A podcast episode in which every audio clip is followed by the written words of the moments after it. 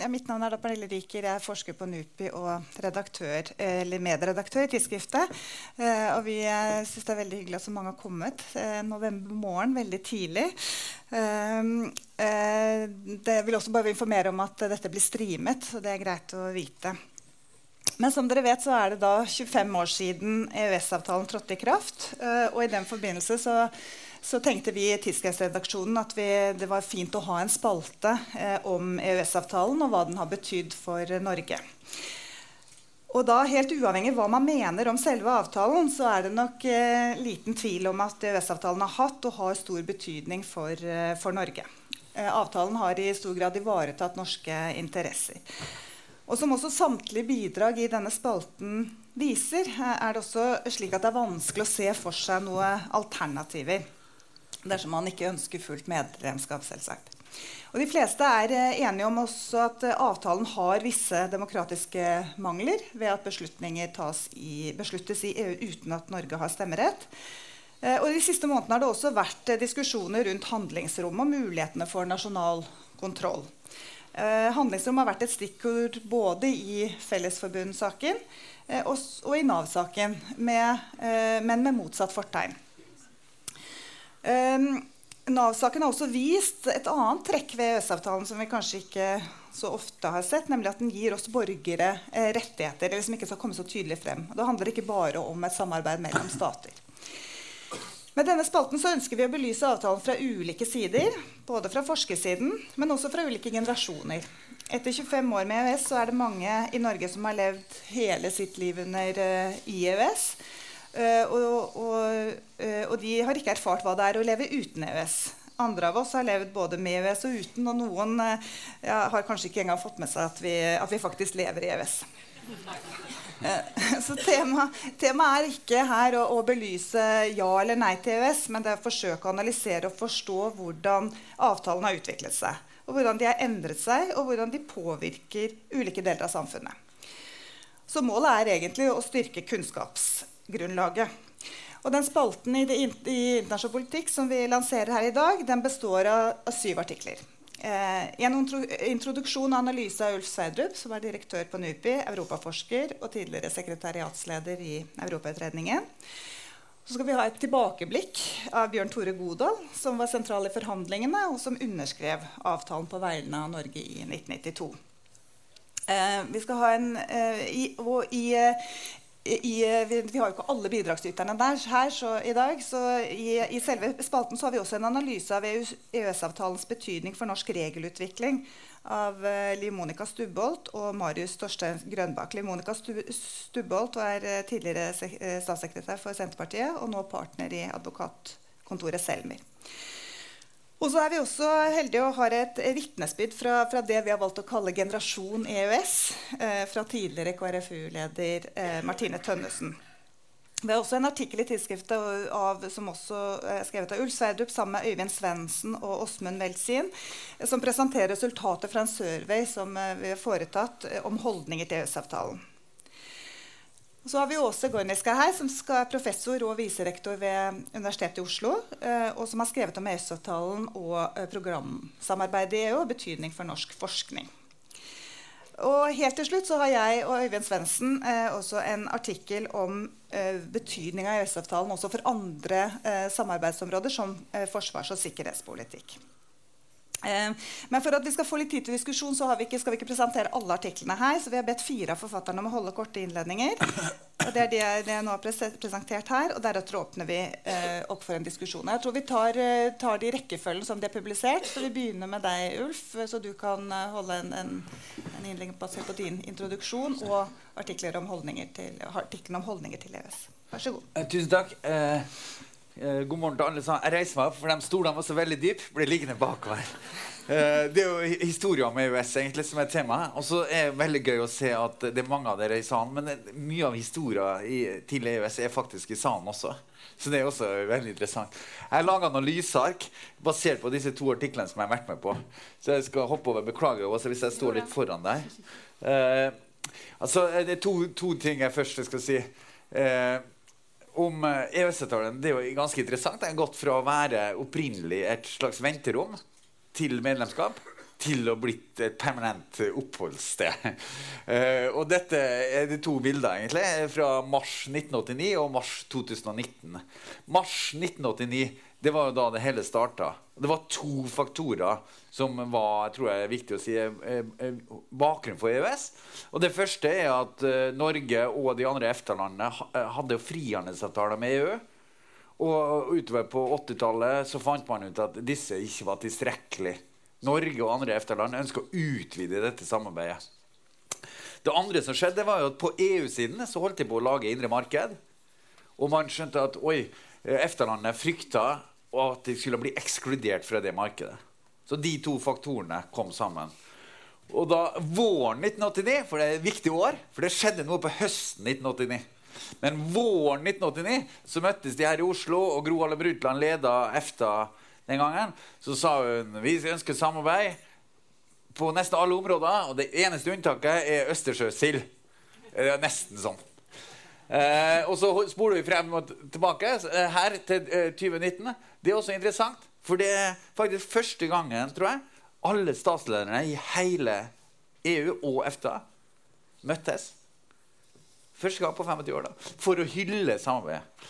Eh, og det er ikke tilfeldig heller. Fordi at eh, EU tenkte nok som så at i en tid med brexit så er det ganske viktig å signalisere at EFTA-landet er en del av dette. Så det har skjedd mye. Så hvordan kunne dette, som var et eh, tenkt som et venterom, bli noe mer? Og jeg må si også, Bjørn Tore kan sikkert svare litt, men jeg trodde han kom til å vare. Men poenget er at det endra seg jo underveis.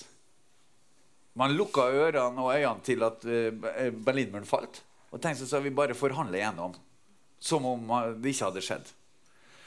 Uh, men rett etterpå så forsvant jo Sverige og Finland. Østerrike forsvant. Sveits var viktig for handlende. Bestemte seg at de ville ikke være med. Og til slutt så satt man igjen med Norge og Island. Og så måtte han få med seg Liechtenstein for å få det til å bli noe større.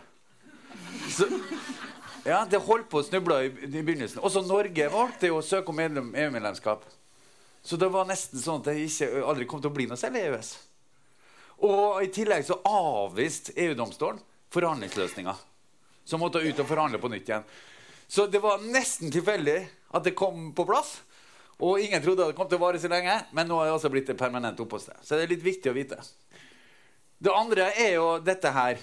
Eh, det Norge sa, og det er politiske overbygninga rundt EØS-avtalen, var nei til norsk EU-medlemskap, men ja til europeisk samarbeid.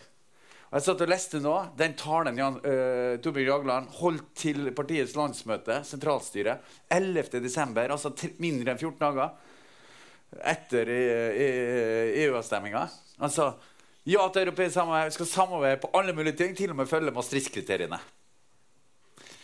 Så dette er en fantastisk tegning i Klassekampen som heter 'Ingen knekker knærne' av Gro Harlem Brundtland.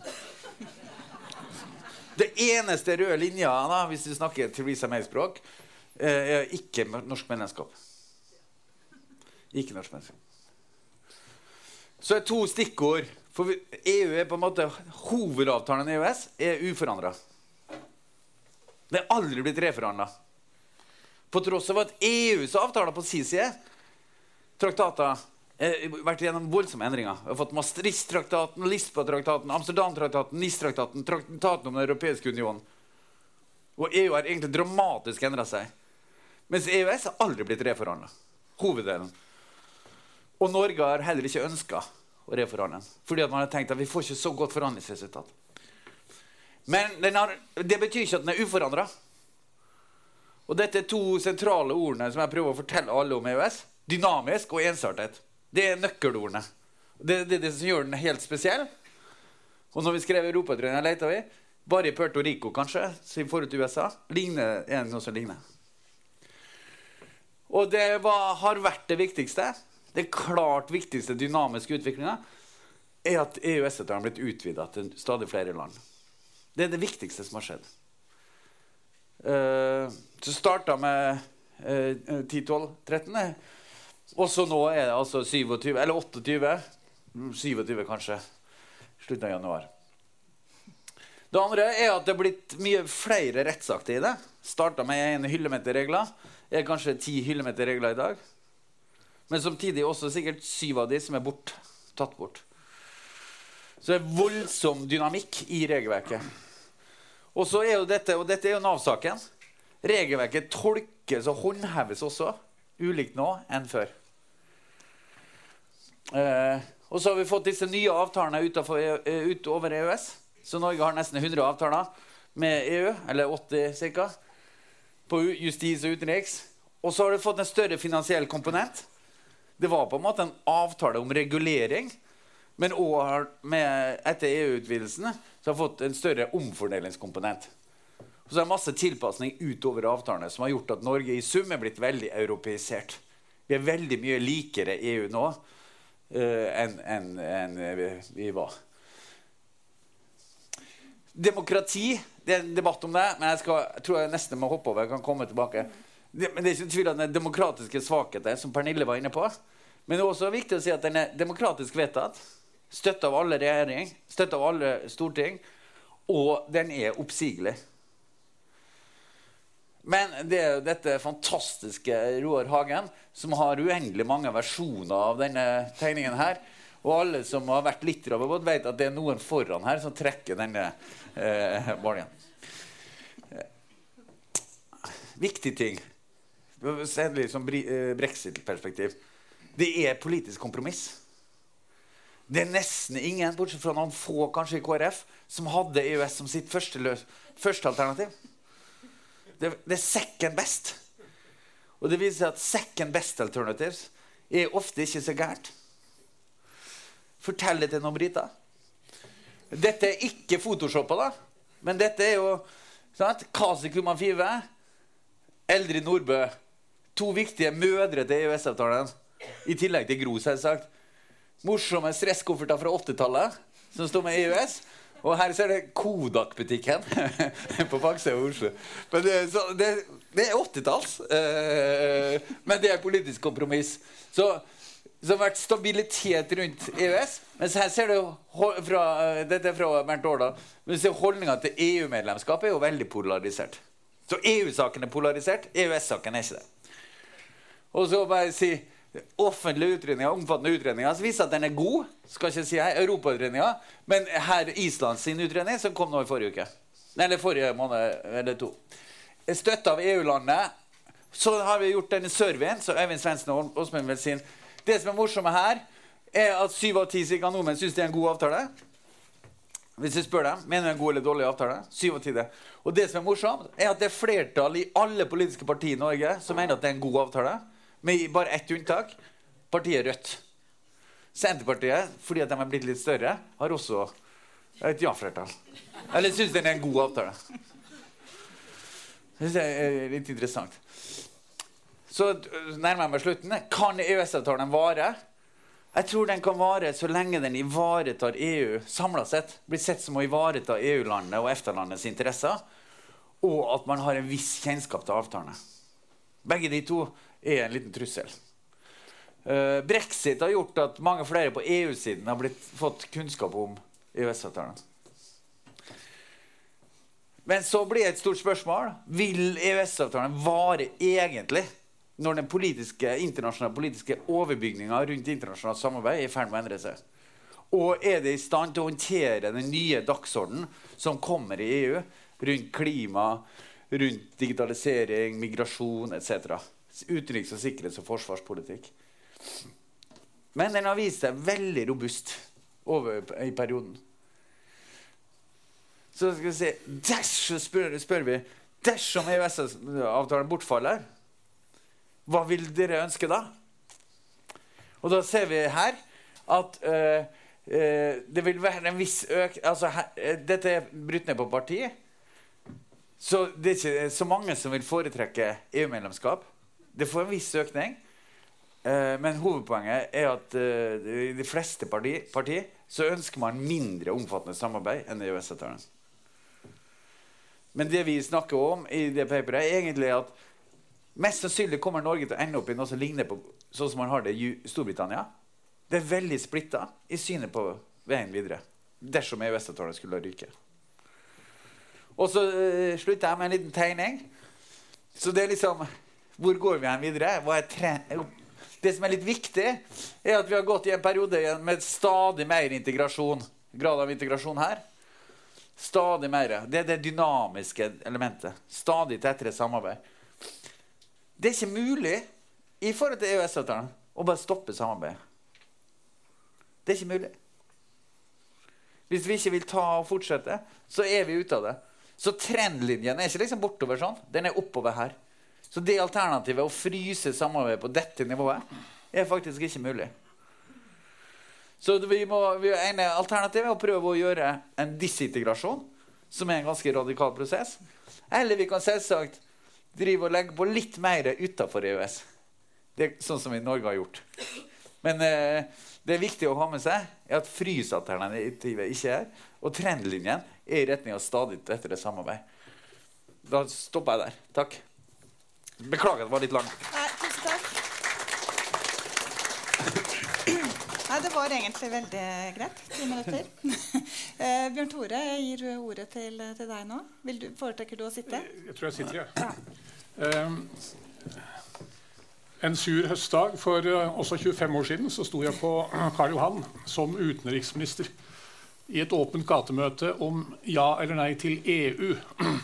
Da var EØS-avtalen solid på plass var ikke noe stort tema. Jeg argumenterte sterkt for at det var mye mer praktisk for meg å dra til Brussel én eller to ganger i måneden framfor å besøke alle EUs hovedsteder eh, etter tur for å ivareta norske interesser.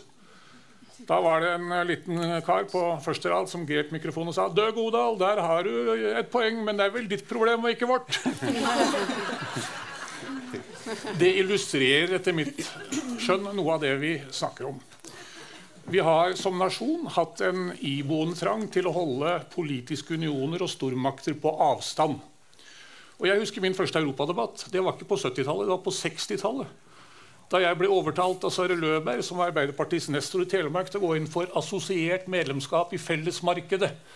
Eh, inntil eh, Charles de Gaulle også satte kroken på døra for utvidelse med EFTA-land på 60-tallet, som faktisk var den første store europadebatten i Norge. Så så fossil er altså jeg.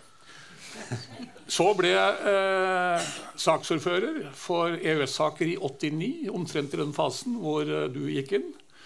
Og fikk selvfølgelig da eh, bordet fullt av eh, ganske krevende og vanskelige saker. Eh, Thorvald Stoltenberg, som dessverre har gått bort, sa for noen år siden at ordet kompromiss er ikke noe hedersord i Norge. Vi er som Per Gynt. Det er eh, høyt og lavt. Vi er svart og hvitt. Vi er all for it. Ellers er vi deprimerte og er ikke med. Det er noe her. Samtidig er det ingen tvil om at EØS-avtalen kanskje er det største nasjonale kompromiss i norsk politikk i nyere tid. Hvor alle regjeringer, fra SV til eh, Fremskrittspartiet, har vært med på det. Ikke fordi de stort sett primært mener at det er det beste, men fordi det er det man kan bli enige om i ivaretagelsen av grunnleggende nasjonale interesser. Og jeg syns det er en god ting. Det er en god ting at det politiske Norge på den måte har kunnet samle seg om noe. Uh, og jeg er i og for seg ganske stolt over å ha satt min signatur under den avtalen i Oporto i mai 1992, altså for 27 år siden. Med de komplikasjoner som da etterpå fulgte, og som, som Ulf har nevnt. Uh, nå eh, er det mye å si i oppfølgingen av dette. Jeg anbefaler selvfølgelig artikkelen. Men det var jo ikke sånn at alle i Arbeiderpartiet heller var så sikre på at medlemskap var tingen. Kristelig Folkeparti var ikke alene der. Det var mange både i fagbevegelsen og Arbeiderpartiet som mente at EØS også kunne være et varig alternativ. Eller iallfall noe man kunne stelle med ganske lenge for å se hvordan det gikk. Og det var eh, parallell tenkning i EU. Delors hadde også, som var kommisjonspresident, et ønske om ikke å gå fort fram. Og la mye arbeid å lage en beslutningsstruktur som skulle ivareta både EUs og EFTA-landets autonomi i et topilarsystem, som riktignok var vindskjevt, for EU var størst, men som var et topilarsystem hvor landene hadde sin suverenitet innenfor det systemet, med et svært apparat, med EØS-ministerråd, med EØS-domstol, med et overvåkningsorgan i EFTA som i EU. De hadde jo ikke tatt bryet i EU med dette hvis de trodde at alle raskt skulle inn i EU. Så det var altså noe vi tenkte på som en mulighet. Og jeg snakket om dette med både Gro Harlem Brundtland og Thorvald Stoltenberg, som nok var mer overbevist ideologisk for, om et raskt EU-medlemskap enn jeg var. Men det var mange av oss Sigbjørn Johnsen jeg, for eksempel, som mente vi fikk ta oss tid og se hvordan dette ville fungere. Og så kunne vi åpne for en debatt. Men så ble vi tatt på senga av ganske raske og temmelig uventede svenske, finske og østerrikske beslutninger om å forlate EFTA-sporet og så si melde seg inn hos fienden med det samme melde seg inn hos forhandlingsmotparten. Og dermed forsvant jo mye av potensen eh, i EØS, EFTA-pilaren. Og det gjorde at jeg og Sigbjørn Johnsen og de av oss som var på denne linjen, ombestemte oss og gikk for fullt medlemskap. Og Noe av det mest interessante for meg som utenriksminister var faktisk å sitte inne i EUs ministerråd med talerett fra forhandlingsresultatet var fullført og lå bak oss og fram til folkeavstemningen. Vi møtte EUs ministerråd med talerett i de møtene vi ville delta på. Og 25% av mikrofonene var nordiske rundt bordet. Og mine sosialdemokratiske kolleger fra alle land i Europa kom og sa det er en ny tone. Det skjer noe nytt. Vi har en litt annen vektlegging av tingene enn før. Og jeg hadde gleden av å innlede om Midtøsten-prosessen, som Norge kunne mer om enn noe EU-land. Og jeg fikk erfaring for at det som teller i EU, er hvem har de kvalitativt beste synspunktene. Hvem er det som når fram? Hvem er det som er interessant å høre på? Og de hørte på oss i den saken, og de hørte på Norden i mange andre saker. I den grad vi kunne vektlegge ting på en litt annen måte enn før. Så for meg var det på en måte en eye-opener for at medlemskap var tingen. Men vi kom jo ikke utenom Mekanismen ble fullstendig vindskjev i utgangspunktet. Den ble vindskjev, EFTA-pilaren var svak. Og hva kan du forvente? Det indre markedet har nå 500 millioner mennesker. EFTA-pilaren har 6 millioner. Det er jo ikke så rart at uh, flertallet gir premissene for regelverksutviklingen i EU. Men når det likevel går så bra som det gjør, så er det jo illustrert ved at langt over 90% av alle EU-direktiver går enstemmig gjennom i Stortinget. Uten debatt. Det burde jo være debatt, men uten debatt. Og det betyr jo at folkevettet er rimelig godt fordelt i Europa. Det kommer mye som er så fornuftig at vi ikke engang gidder å diskutere det. Det er jo ikke bra. Men det er jo det som skjer. Det er ikke det at SV og Senterpartiet er blitt servile i forhold til Brussel. Det er alminnelig fornuft, det som kommer.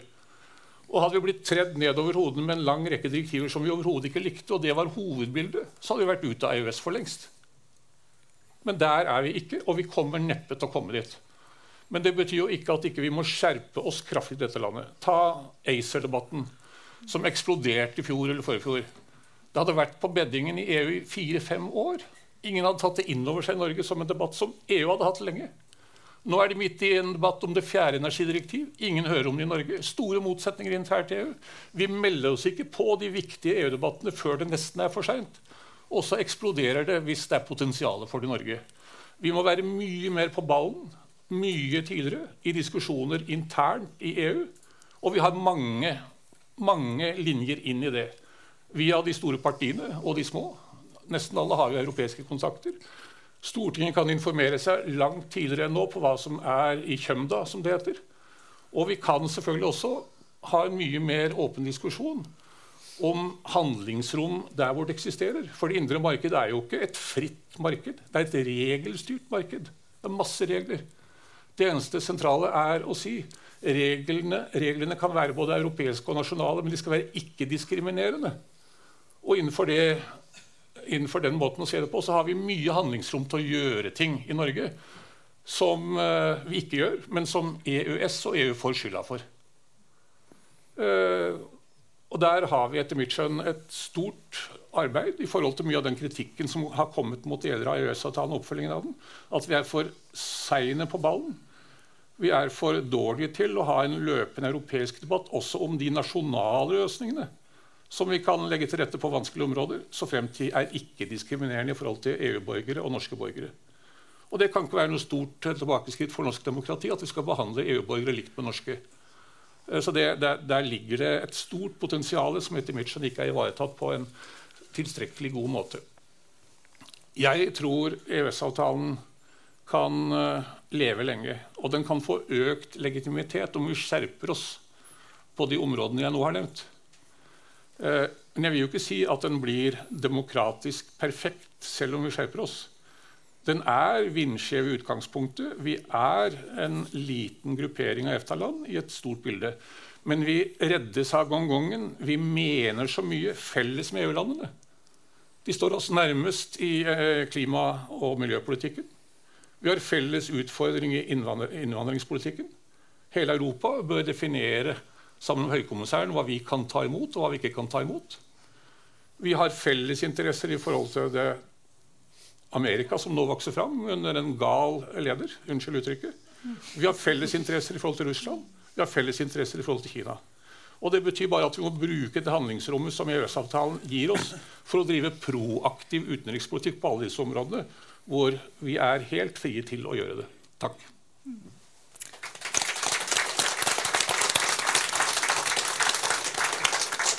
Tusen takk, Bjørn Tore. Det var veldig interessant å høre. Eh, da gir jeg ordet til den eh, nye, nye generasjonen, EØS-generasjonen, eh, med Martine Tønnesen, som skal si litt om hvordan det er å vokse opp under EØS. Vær så god. Tusen takk, og takk for at jeg fikk lov til å komme og skrive, ikke minst, eh, for denne, dette tidsskriftet. Jeg har jo vært leder i KrFU, men grunnen til at jeg har fått lov til å skrive, det er jo fordi at jeg eh, er en del av den generasjonen som har vokst opp med EØS-avtalen, og en del av generasjonen EØS. Eh, for jeg var fem år da avtalen eh, trådte i kraft, og jeg har ingen minner om liksom, noe EU-debatt eller noen store fights, eh, verken rundt EØS-avtalen i seg selv eller EU-debatten som, som, kom etterpå. Det eneste jeg kan huske, er på en måte at pappa eh, fortalte meg at han hadde vært og stemt. Eh, og det er på en måte mitt første sånn, demokratiminne. Eh, og oppdraget mitt, da, både i artikkelform og her, det har vært noe å si noe om, om hvordan det har vært for meg å vokse opp med den avtalen. Eh, jeg skal ikke, I motsetning til resten så skal jeg på en måte ikke gå gjennom noe historisk eller noe faglig begrunna. Jeg skal bare fortelle hvordan jeg har opplevd det, eh, og, og min, egen, eh, min, egen, opplevelse. da. Og Hovedspørsmålet er jo når jeg snakker om EØS i hverdagen min. Og Det er egentlig et ganske enkelt spørsmål, fordi svaret på det er aldri. Um, og nå må, må jeg liksom modifisere det litt, fordi jeg startet en, ny jobb på mandag. Og da jobber jeg i et EØS-prosjekt hos NHO, så nå skal jeg snakke om det hver dag. Uh, men jeg tror at for min generasjon, og for egentlig de fleste generasjoner i Norge i dag, så snakker du egentlig aldri uh, om, e om, EØS. da. Og for en tilfeldig valgt person så ville, ikke, ville ikke det liksom vært, uh, vært middagssamtalen. Eh, hovedgrunnen til det er nok kanskje at vi aldri har lært noe særlig om EØS. Eh, på skolen så har vi aldri hatt EØS som på en måte pensum. Vi har lært noe om EU og liksom slutten på andre verdenskrig og at det er et samarbeid og, og, sånne ting. Men jeg måtte nok helt til universitetet og det å ta liksom statsvitenskapsfag før jeg fikk en sånn ordentlig innføring i hva EU er, og hvordan systemet fungerer, og hvordan de tingene er. Men EØS har jeg fremdeles eh, liksom lite oversikt over. da. Så vi har bare lite kunnskap om den, og vi skjønner nok ikke helt hvordan den måte, påvirker oss. Eh, og til og med jeg som har interessert meg da, for EØS-avtalen og tenkt på den over en lengre tid og kommet måte, fram til at jeg elsker EØS-avtalen Jeg våkner ikke om morgenen og tenker sånn I dag er en god dag. Norge er medlem av EØS. Yes. Eh, tenker, den påvirker oss hele tiden, og det skjer liksom ting rundt oss som, som er påvirket av EØS-avtalen. Så den påvirker oss hver dag, men du tenker aldri over at det er EØS-avtalen sin feil eh, eller, sin, eller, grunn. da. Um, jeg, jeg, tror på en måte EØS-avtalen er helt grunnleggende for det samfunnet som vi har i dag. Eh, den påvirker oss mest sånn eh, indirekte. Eh, og jeg kan ta bare et sånn eksempel på det. Når Eh, når jeg er på hytta og kan dra på lokalbutikken og handle mat eh, i den småbygden hvor, hvor, jeg har hytte, så er jo den butikken der eh, fordi at det, Eh, er en bedrift i området som produserer varer som de plutselig kan ha et hjemmemarked på 5 millioner, eller 500 millioner istedenfor 5 millioner. Eh, de eh, har derfor masse arbeidsplasser som gjør at det kan bo folk i området. Som gjør at man har en skole og en barnehage som også produserer arbeidsplasser. Som gjør at man får den butikken som jeg kan handle matvarer på i ferien min. Eh, og når jeg går inn i den butikken, så tenker jeg aldri over eh, at det liksom er EØS-avtalen som gjør at jeg nå kan handle mat i nærheten av den hytta. Eh, men det er kanskje faktisk hovedgrunnen til at jeg kan det. og sånn tror jeg det er med ganske mye. Eh, det vi gjør, det er at vi ganske ofte skylder på EØS-avtalen når det er liksom feil og mangler. Eh, de gangene man diskuterer EØS-avtalen spesifikt, så er det ofte fordi eh, noe er på en måte feil, eller en liten sånn brøkdel av feil. For så er det åpenbart EØS-avtalens feil at det er eh, utenlandske sjåfører, trailersjåfører som kjører på nei, sommerdekk på vinterveier. Eh, det, det, er liksom sånn standardting at det, det er pga. EØS-avtalen at det skjer. Eh, og jeg har prøvd å si noe i den artikkelen om at det er problematisk at vi alltid på en måte vet om EØS-avtalen, og alle gangene vi diskuterer EØS-avtalen, er de gangene hvor det er liksom et eller annet som er problematisk, og at vi glemmer alle de positive sidene som er ved den avtalen. Kanskje 95% av den avtalen er veldig bra for oss, eh, men vi diskuterer bare 3% av den som er veldig negativt. Da. Så jeg tror vi i større grad burde vært eh, snakket om de positive sidene ved den.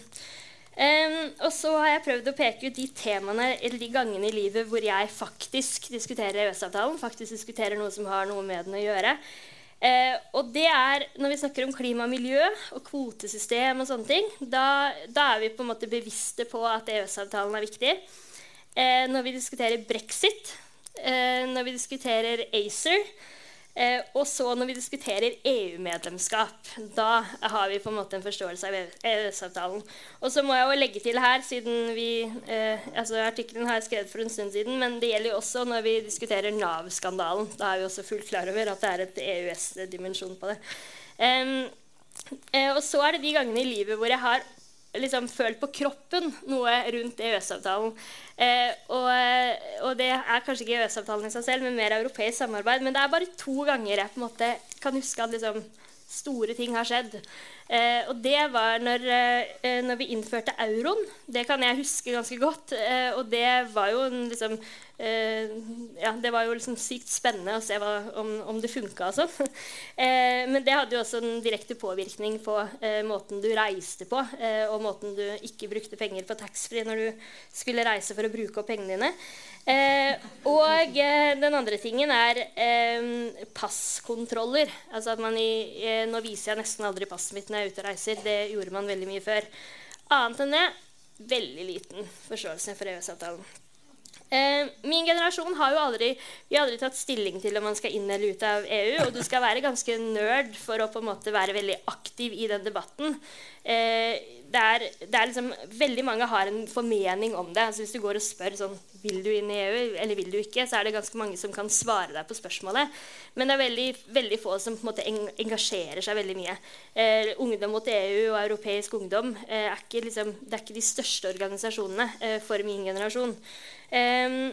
Vi har eh, på en måte bare freerida på den avtalen som eh, noen andre har, har, forhandlet frem. Og så har ting skjedd i samfunnet vårt som gjør at vi er veldig veldig integrert.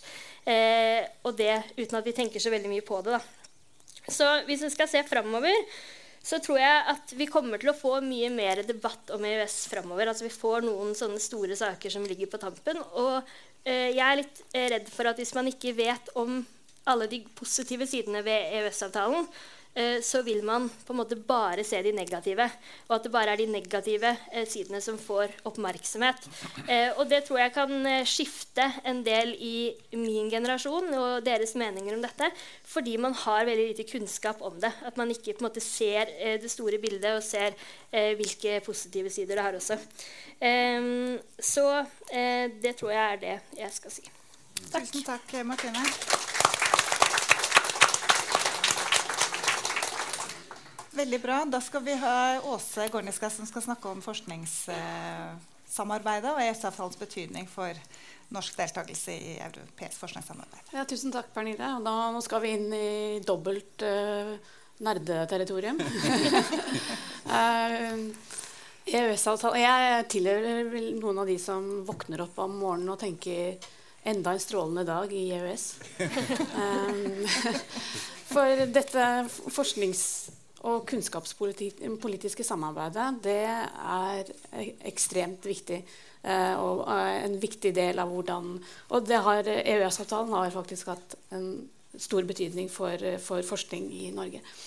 Eh, så jeg skal plukke opp litt av det Ulf sa om eh, stabilitet og ensartethet. Eh, og hvordan dette her har slått, slått ut i en sektor som vanligvis ikke er veldig høyt på den politiske, verken den nasjonale eller den europeiske dagsorden sånn til daglig. Det er ingen politiske parti som jeg Eh, meg, meg, bekjent som har vunnet eller tapt valg på forskningspolitikk. Eh, men eh, allikevel, det eh, det er et politikk Ok, du kan kanskje si at det er et politikkområde for de spesielt interesserte, men det er et, også et ekstremt viktig politikkområde på, på, sikt, både for Europa og for Norge.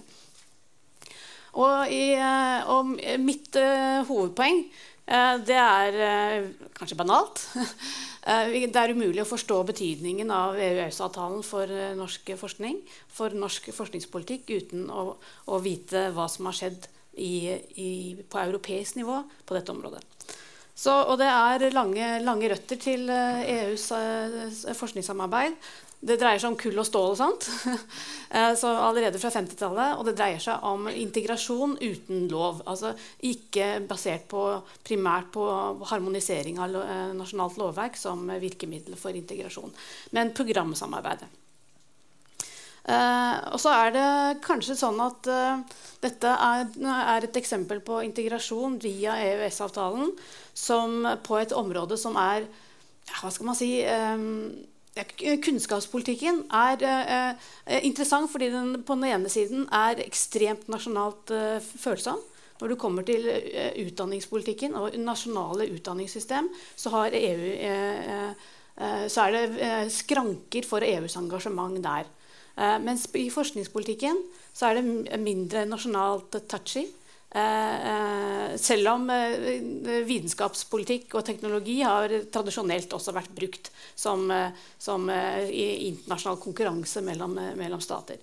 Det er noen tall fra Eurobarometer som sier at Innenfor EU, Europa 27 så, det, så, har de standardspørsmål.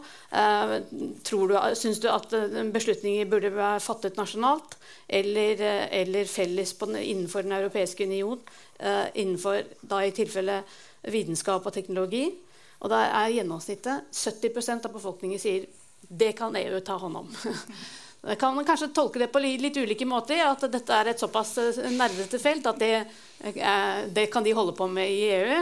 Men når du kommer til nasjonale utdanningssystem, så er det bare 30 eh, som sier at det er et, noe som, eh, som, som, EU kan holde på med. Så det er eh, et spenn i kunnskapspolitikken, og forskningspolitikken er, er, er, en viktig del av det som har vokst fram på europeisk nivå. Og det har vært også sånn gapdrevet integrasjon vil jeg si, på europeisk nivå. Først var det, det gapet mellom, mellom Europa og USA. Japan kom, og nå er det Kina som er på eh, alles lepper.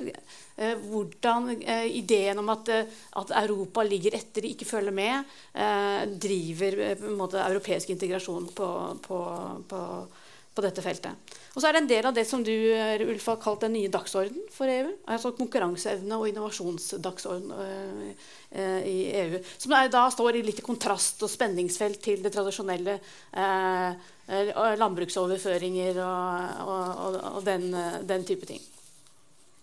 Så eh, det er eh, rammeprogrammet for forskning. Det på 80-tallet. Det er et 80-tallsfenomen sammen med skulderputer og, og diverse. og etter, etter, at dette ble etablert, så har man har eh, det, det, som vi kan si er en slags sånn lagvis endring. At man legger til nye områder og nye felt hvor man samarbeider om eh, forskning på. Og det er ikke minst en geografisk utvidelse av, eh, av forskningssamarbeidet. Og når man fikk inn de nye medlemslandene, så ble det også ekstrem variasjon i, i, i uh, forskningsområdet i, i Europa. Uh, og det som nå er, forsøker å bli uh, mot, Man forsøker å gjøre noe med, med under headingen 'spreading excellence', som da er eurospråk for en eufemisme for å si håndtere kvalitets- og forskjeller i, i europeiske forskningsområder. Så er det et, eh, et område hvor transnasjonale nettverk er ekstremt viktig. Du, Ulf og jeg har jo sett på deltakelse i ekspertgruppesystemet under Europakommisjonen. På eh, forskningsfeltet så har det vært eh, ekstremt mange denne type grupper som da binder eh, de subnasjonale aktører inn i, inn i utforming og iverksetting av, av, forskningspolitikken. Så er det ikke noe, Du får ikke pengene tilbake. Pengene tilbake. Altså, ingen juste retor. Og du, eh, prinsippet om å, å, plukke bare de samarbeidsområdene som er, som er i nasjonal interesse, det, det, det, går ikke. Det er ingen à la carte-samarbeid. Eh, stor administrasjon som, eh, som, er bygd opp på administrativt eh, på europeisk nivå. Og et, et generaldirektorat som direkte i iverksetting av rammeprogrammene kobler seg opp på subnasjonalt nivå. Så man trenger egentlig strengt talt ikke den nasjonale trakten for å kunne delta i det europeiske forskningssamarbeidet. Eh, så var det sånn at EØS-veien og uh, Bjørn Tore må korrigere meg Det var ikke sånn at man kom til uh, forhandlingsbordet i, på dette feltet uten erfaringer med, med, transnasjonale og internasjonale koblinger. og det var ikke egentlig høye skranker, nasjonale skranker på dette området. men man gir opp, etter det jeg har sett av dokumentasjon, så gir man opp dette menysporet at man skulle liksom gå ned og bare plukke det Norge kunne ha interesse. Take it or leave it når det gjelder det samarbeidet. Og det, vært, det, prinsippet har vært viktig, fordi eh, når utviklingen da gikk i, i, retning av å inkludere flere og flere virkemidler, flere og flere områder, så er det også noe som da påvirker oss. Så what a difference 25 uh, years make. Uh, det som forskningssamarbeidet som man gikk inn i, i rett etter at EØS-avtalen uh, Eh, ble inngått, eh, det er ganske betydelig endret eh, i 25 år etter. EØS-avtalen skapte forutsigbarhet for forskningsinstitusjoner og, som aktører i forskningssystemet. Og, for, og, den usikkerheten som man nå ser i, blant britiske universiteter og, og, forskningsinstitusjoner, den er den som EØS-avtalen ganske raskt gjorde noe med. Så har det vært stor politisk enighet om, eh, om tette koblinger. Uh, og kanskje dertil lite politisk oppmerksomhet mot uh, program, betydningen av forskningsprogramsamarbeidet. jeg har sett på noen av diskusjonene i stortingskomiteen som skulle behandle tilslutning til, til jeg tror det var syvende rammeprogram. da var det stort sett hele diskusjonen var om norsk barnehagepolitikk. Når det kom til uh, Horisont uh, eller uh, syvende rammeprogram, så var det saksordfører som tok ordet. Og så var den vedtatt. Um, forskningspolitiske effekter. det har vært en utvikling i, i nasjonal interesse. regningen for denne deltakelsen har blitt større ettersom, ettersom samarbeidet på europeisk nivå har vokst. og nasjonalt har dette blitt institusjonalisert og organisert. Ikke bare på nasjonalt nivå, Uh, forskningsråd med kapasitet til å holde oppmerksomheten mot uh, EU. Men også uh, det er EU-administrasjonen som, som er det europeiske nærmest benytter seg langt inn i, i, i universitets- og høyskolesystemet. vi har fått adgang til forskningspolitiske nettverk. det er en slags sånn blandingsadministrasjon under, under kommisjonen.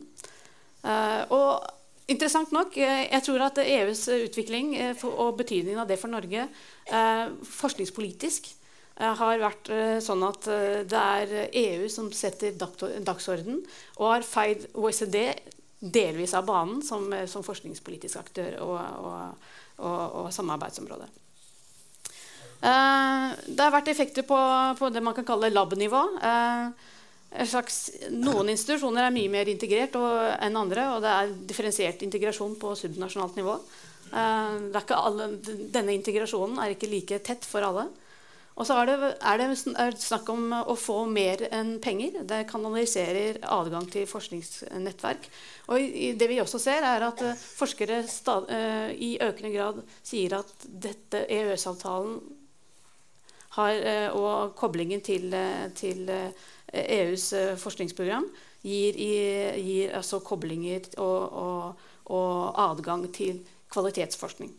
Um, så det er i og for seg ikke fri flyt, men det er en slags uh, uh, europeisk kanalisering av koblingen mellom forskere og, og, eh, kobling til kanalisering av pengestrømmer i Europa. Og så er det viktig å vite at uh, kan, kan, Jeg snakket, snakket, om dette som et nerdeområde. Men det er ikke politisk nøytralt, de forskningspolitiske beslutningene man fatter i, på europeisk nivå. Og det har betydning også for, uh, for, for nasjonal uh, betydningen av forsknings, EUs forskningspolitikk på nasjonalt nivå. Så du har snakket om EU som Pacman. Eh, et, et, eksempel på, på, hvordan, eh, på et, hvordan, politiske beslutninger på EU-nivå eh, ikke er politisk nøytrale.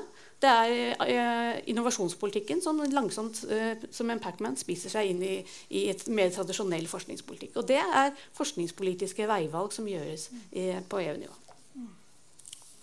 Eh, og så må jeg bare si at eh, fordi, For ganske mange av oss i sektoren så har EØS-avtalen eh, hatt praktiske konsekvenser for forskerkarrierer. Jeg tror ikke jeg hadde sittet her hvis ikke det hadde vært for fjerde rammeprogrammet i, i, i, Europa. Tusen takk. Bare til det siste så er det sånn at Vi som jobber som forskere, er jo tenker på ikke så mye at det er en del av EØS-avtalen, men det med å søke penger i EU-systemet er jo på en måte noe vi, vi jobber med å følge med på utlysninger eh, hver dag, og det er jo en del av vår, eh, vår hverdag. Eh, og så er det jo også det at det er jo en dypere europeisering egentlig enn bare eh, liksom på en måte den frie flyten og deltakelsen i programmene. Men vi ser jo også at Forskningsrådet nå på en måte har kopiert mye av forhold til kriterier og forskningsinnretning som også EUs programmer gjør. Så det har jo stor betydning utover deltakelse, bare. Absolutt. Mm. Og ikke minst så har de jo gått inn som styringsparametere i, i, i finansieringsmodeller, f.eks. Ja. Så det er ganske dyp uh, ja. Eh, i, i, selve de politiske virkemidlene som ja. man har. Uh, før jeg åpner opp for, for, spørsmål også fra salen, så har jeg lyst til å stille dere noen, uh, noen spørsmål. Og, og, kanskje akkurat det, det, går på en måte forlengelse av forskningen, kan du si. Men der uh, alle nevnte vel, eller i hvert fall dere, Ulf og Martine, snakket om kunnskap, og på en måte at det er lite kunnskap eller at kunnskap du Ulf nevnte at kunnskap er nødvendig for eh, overlevelse av TS-avtalen. Eh, og, og, du nevnte at det er lite kunnskap i din generasjon. Eh, og også, jeg vet at Du nevnte vel ikke det, men den undersøkelsen som er foretatt, viser jo at det er lite kunnskap blant folk. Så hva må til da, for å på en måte øke den kunnskapen? Mm. Så jeg tenkte å spørre dere to først. Du kan jo begynne. Ja. ja altså, den artikkelen som jeg, som jeg skrev, den heter 'EØS 25 år med hardt arbeid'. Det tror jeg er litt viktig å si. For EØS-avtalene fremstilles ofte som en sånn passiv konstruksjon. Men det vi har hørt her er jo at det er veldig mye hardt arbeid som legges ned for å sørge, både rent teknisk, men også politisk, for å prøve å få dette justert slik at det passer inn. Og i og for seg Mange av de heltene som driver det arbeidet daglig, er jo her i dag. Noen byråkrater og dyktige diplomater. og sånn ser jeg. Eh, så, så, så det, det, kommer jo ikke av seg selv. Og det er jo klart at det har en veldig viktig kunnskapsdimensjon. Jeg vil si Nav-saken. Hvis det er én ting som er der, så har jo den synliggjort at mange systemer har på en måte litt ulik eh, kunnskapsgrunnlag. er kanskje ikke godt. Uh, så, uh, så, det er det ene. Det andre er det som du sier, Pernille. Undersøkelsen viser jo at kunnskapsnivået om EØS er veldig lavt. Uh, sjokkerende lavt. Blant unge enda lavere. Og det støtter jo det Martine sa. og når menn med inntekt rundt én million oppgir at de har bare sånn middels kunnskap om noe, ja, da har de egentlig ingen kunnskap om det. At, så, så og klart at det å, å, forsvare eller legitimere eller søke påvirkning eller håndtere og anvende et regelverk og kanskje til og med strekke det i en eller annen retning, det krever kunnskap. Og hvis man ikke har det, så faller jo hele konstruksjonen. Så kunnskap er veldig viktig for legitimiteten. Eh, det jeg tror, eh, er jo at EØS-avtalen eh, e er en utrolig krevende konstruksjon så det er noe strukturelt i den som gjør at vi ikke får kunnskapsproduksjon. Det er det som er liksom det alvorlige. Fordi at det er ikke i media. Jeg tror det var Kjetil Widsvang som sitter foran som sa det er vanskelig å skrive om EØS når faktaboksen må være større enn artikkelen. Uh, ikke sant? Uh, og når norske politikere ikke deltar i møtene og ikke snakker om det, så drar ikke journalistene og følger politikerne. Og når uh, politikerne vet at journalistene ikke kommer til å skrive om det, så drar ikke politikerne til det. Og det drar ned kunnskapsdannelsen. Og når skolen ikke dekker det, og man egentlig lager en mental forestilling om at vi er utenfor, mens vi i realiteten er innafor, ja, så, vi, starter vi bak. Så jeg vil si sånn kunnskapsmessig så er EØS-posisjonen vi har satt oss i, ekstremt krevende. Så den fordrer mer faktisk enn hvis de var EU-medlem. Uh, og den blir enda viktigere. Så, så, det er en veldig alvorlig sak som jeg tror også er hovedgrunnen derfor jeg satte opp til at liksom, hvorfor kommer konstruksjonen kanskje til å falle. Så er det fordi at uh, kunnskapsgrunnlaget er for dårlig. Det betyr ikke at har du mer kunnskap, så liker du avtalen. Det er ikke det jeg mener. Men, eh, men det har noe med at den samla diskusjonen blir bedre. Hva tenker du, Martine? Er det, er det, kunnskap som må til for at dere skal få mer eierskap til avtalen, tror du? Eller? Ja, jeg kan, kan, fortsette litt på det, på det Ulf sier, egentlig. Eh, har, eh, i, i, den undersøkelsen som dere gjorde, så kommer det på en måte også fram at blant de unge så er det flere unge som kan mer om EU enn EØS. Altså, de de syns at EU er lettere å forholde seg til. Og det er bare to av ti som mener at de har god kunnskap om, om EØS. Og det eh, på en måte tror jeg er veldig eh, veldig veldig sant. Jeg tror, ikke, jeg tror kanskje 20% av mine venner også har, har god, innsatt, god, innsikt i den avtalen. Og, og jeg har mange nerdevenner, for å si det sånn. Eh, men jeg tror Åse prater jo litt om hvordan, eh, hvordan EØS-avtalen påvirker hennes arbeidsplass, på en måte, eller det, det du driver med. Og, og, eh, og det tror jeg liksom der er jo et, også et sted hvor man prater om EØS-avtalen. Altså alle sammen, Nesten alle som har et eller annet internasjonalt perspektiv på en eller annen måte eh, på sin arbeidsplass, har, eh, forholder seg til EØS-avtalen på en eller annen måte. Eh, enten som noe positivt, et sted hvor du kan søke penger, et sted hvor du kan hente kunnskap, og sånne ting, eller som noe sånn halvnegativt, sånn EØS har noen standarder og krav. Eh, men det er jo ikke sånn at hvis du hadde gått ut av EØS-avtalen, at da ville standarden og kravene på en måte eh, forsvunnet. Da, så ville du ikke hatt noen standarder og krav. Det er bare at, eh, at liksom EØS-avtalen står for Eller at det er et EU-krav som står foran der. da. Eh, så jeg tror man har jo et, et sånt EØS-dimensjon i arbeidslivet sitt, sitt veldig mye, da. Men jeg tror at Eh, hovedutfordringen vår er at, eh, er at, man ikke ser helheten i den avtalen. Eh, og der tror jeg at de av oss som opplever EØS-avtalen på kroppen, se, eller de som gjør det Jeg skal være liksom forsiktig med selv om, jeg, selv om jeg prater om EØS hver dag i, i, i jobben, så er det kanskje liksom bedriftene eller de som produserer varer og tjenester, sant, som er de som opplever EØS-avtalen aller mest. For det er de som eh, både har krav og standarder som de må følge, men også som må kunne eksportere eh, varene sine. eller sånne ting. Altså, eh, de må også si litt mer ifra om, hva, om viktigheten av den avtalen. Eh, forskerne må kunne si viktigheten av avtalen, av avtalen for, for, sine, for sin liksom, forskning og for sin mulighet for å utvikle seg. Altså, man, man må liksom eh, prate litt mer om, eh, om, hva den avtalen muliggjør. Eh, og det er veldig lett å på en måte bare si at alt sammen skal inn i skolen. og sånne ting. Eh, jeg mener at den i større grad burde vært fokusert på i skolen. Men jeg tror egentlig at her er litt sånn samfunnsgreia. folk må må få liksom litt mer forståelse for hva hele avtalen er. Eh, og, da ikke, og, da må man se de ulike perspektivene på den avtalen. Og da fordrer det egentlig at alle eh, tar litt i. Og så kan du eh, være for eller imot avtalen. Eh, og selv om jeg elsker den, så er det ikke noe krav om at alle, alle i Norge må ende opp eh, på det, det, stadiet. Men man må likevel forstå hva den har å si. Da. For hvis du skal ta Norge ut av EØS, eh, så må du på en måte Du kan ikke bare gjøre det. Du må på en måte erstatte det med noe, eller du må finne en annen løsning. Eh, for bedrifter eller for forskere eller for liksom, de som blir påvirket av at den avtalen forsvinner. Og da må du på en måte forstå hva avtalen påvirker. Mm. Eh, men jeg tror at veldig mye av det må skje liksom, egentlig nesten i, i liksom, aviser og mediespalter og, og mediene. Eh, nesten mer enn på skolebenken. Eh, selv om en forståelse, en grunnleggende forståelse av hva avtalen er, det tror jeg er viktig å ha også der. Mm. Ja. Vil dere også kommentere på det? Eller så har jeg noen andre spørsmål òg. Eh, altså, gamle menn som syns ungdommen eh, kan for lite, var jeg veldig lei av for få år siden. Så jeg, det, det byr meg litt imot liksom å være altfor negativ på det. Må, det er selvfølgelig mye. Skolen må skjerpe seg. Utenriksdepartementet må skjerpe seg. Men jeg har gått inn på UDs sider. Det er veldig mye bra der. Men blir det oppsøkt? Blir det lest?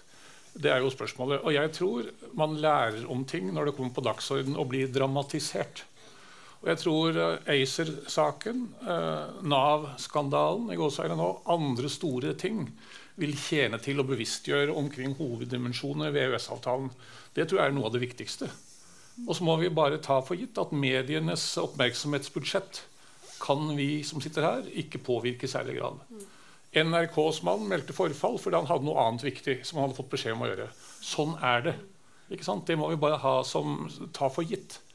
Og Da betyr det bare at vi må stille opp, vi som kan, og være der vi blir spurt, sånn som nå, og dessuten delta i debatt og samtaler. Og så syns jeg jo da at uh, våre største aviser og mediebedrifter er ganske på når det gjelder å berette om EU- og EØS-relevant stoff. Så så dårlig er det ikke. Jeg tror kanskje vi er bedre stilt i dette landet enn i en del andre land uh, som har noe med dette å gjøre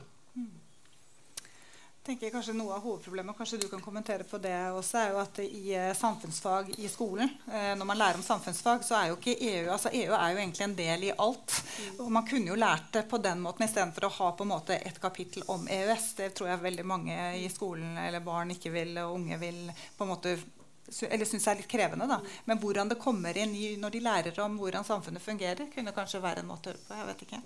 Nei, det har vi jo, altså På, på universitetsnivå så har vi jo Uh, forsøker vi å ta, ta, den dimensjonen opp. fordi uh, Å se på EØS-avtalen uh, og betydningen når vi snakker om organisering av stats, på siden jeg er statsviter og underviser på STD 1400, som er introduksjonen til offentlig politikkadministrasjon at da, ok, Vi har et eget kapittel om europeisk integrasjon og betydningen av det for forvaltningen, men det, det gjennomsyrer jo hele eh, statsapparatet. Hvordan forholdet mellom departement og direktorat er. Og hvis vi, vi, underviser i det uten å ta hensyn til betydningen av den europeiske dimensjonen, så, eh, så, så er det en slett opplæring, vil jeg si. Mm.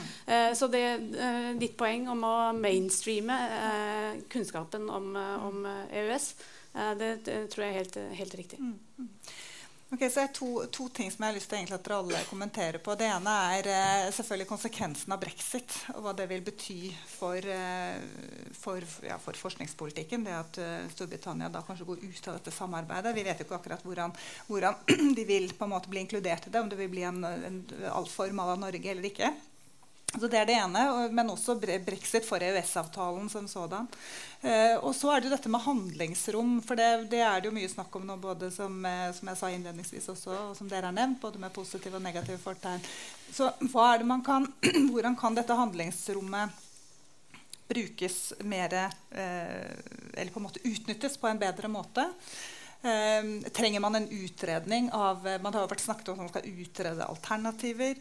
Eh, sånn som eh, i hvert fall Etter Ulfs innlegg så er det jo, det er på en måte ikke, det er jo ikke så mange alternativ, gode alternativer. Men, men, bør man utrede, eller bør man bare se hvordan kan man bruke dette handlingsrommet på en bedre måte? Så Jeg vet ikke hvem som vil starte. Bjørn Tore, kanskje? Altså, jeg er for å gå nøye gjennom spørsmålet handlingsrom. For det, det, mener jeg er det største, den største hvite flekken på kartet eh, som det er lite bevissthet omkring. Det er viktig for LO, det er viktig for Næringslivets hovedorganisasjon, det er viktig for veldig mange i Norge som tror at EØS gir gitte løsninger også i den nasjonale politikken, som egentlig er uberørt av EØS-avtalen. Og det er mange områder som er det. Det må kartlegges. Og jeg... Eh, brexit Det er jo for tidlig å mene noe sikkert om det. fordi Selv om eh, den nåværende brexit-avtalen skulle gå gjennom, så følger det et år eller to med forhandlinger om hvordan det skal gjennomføres. Det er ingen som vet hvordan eh, et brexit-vedtak endelig i løpet av vinteren kommer til å funke i praksis, for da skal man forhandle om konsekvenser for hele det indre marked.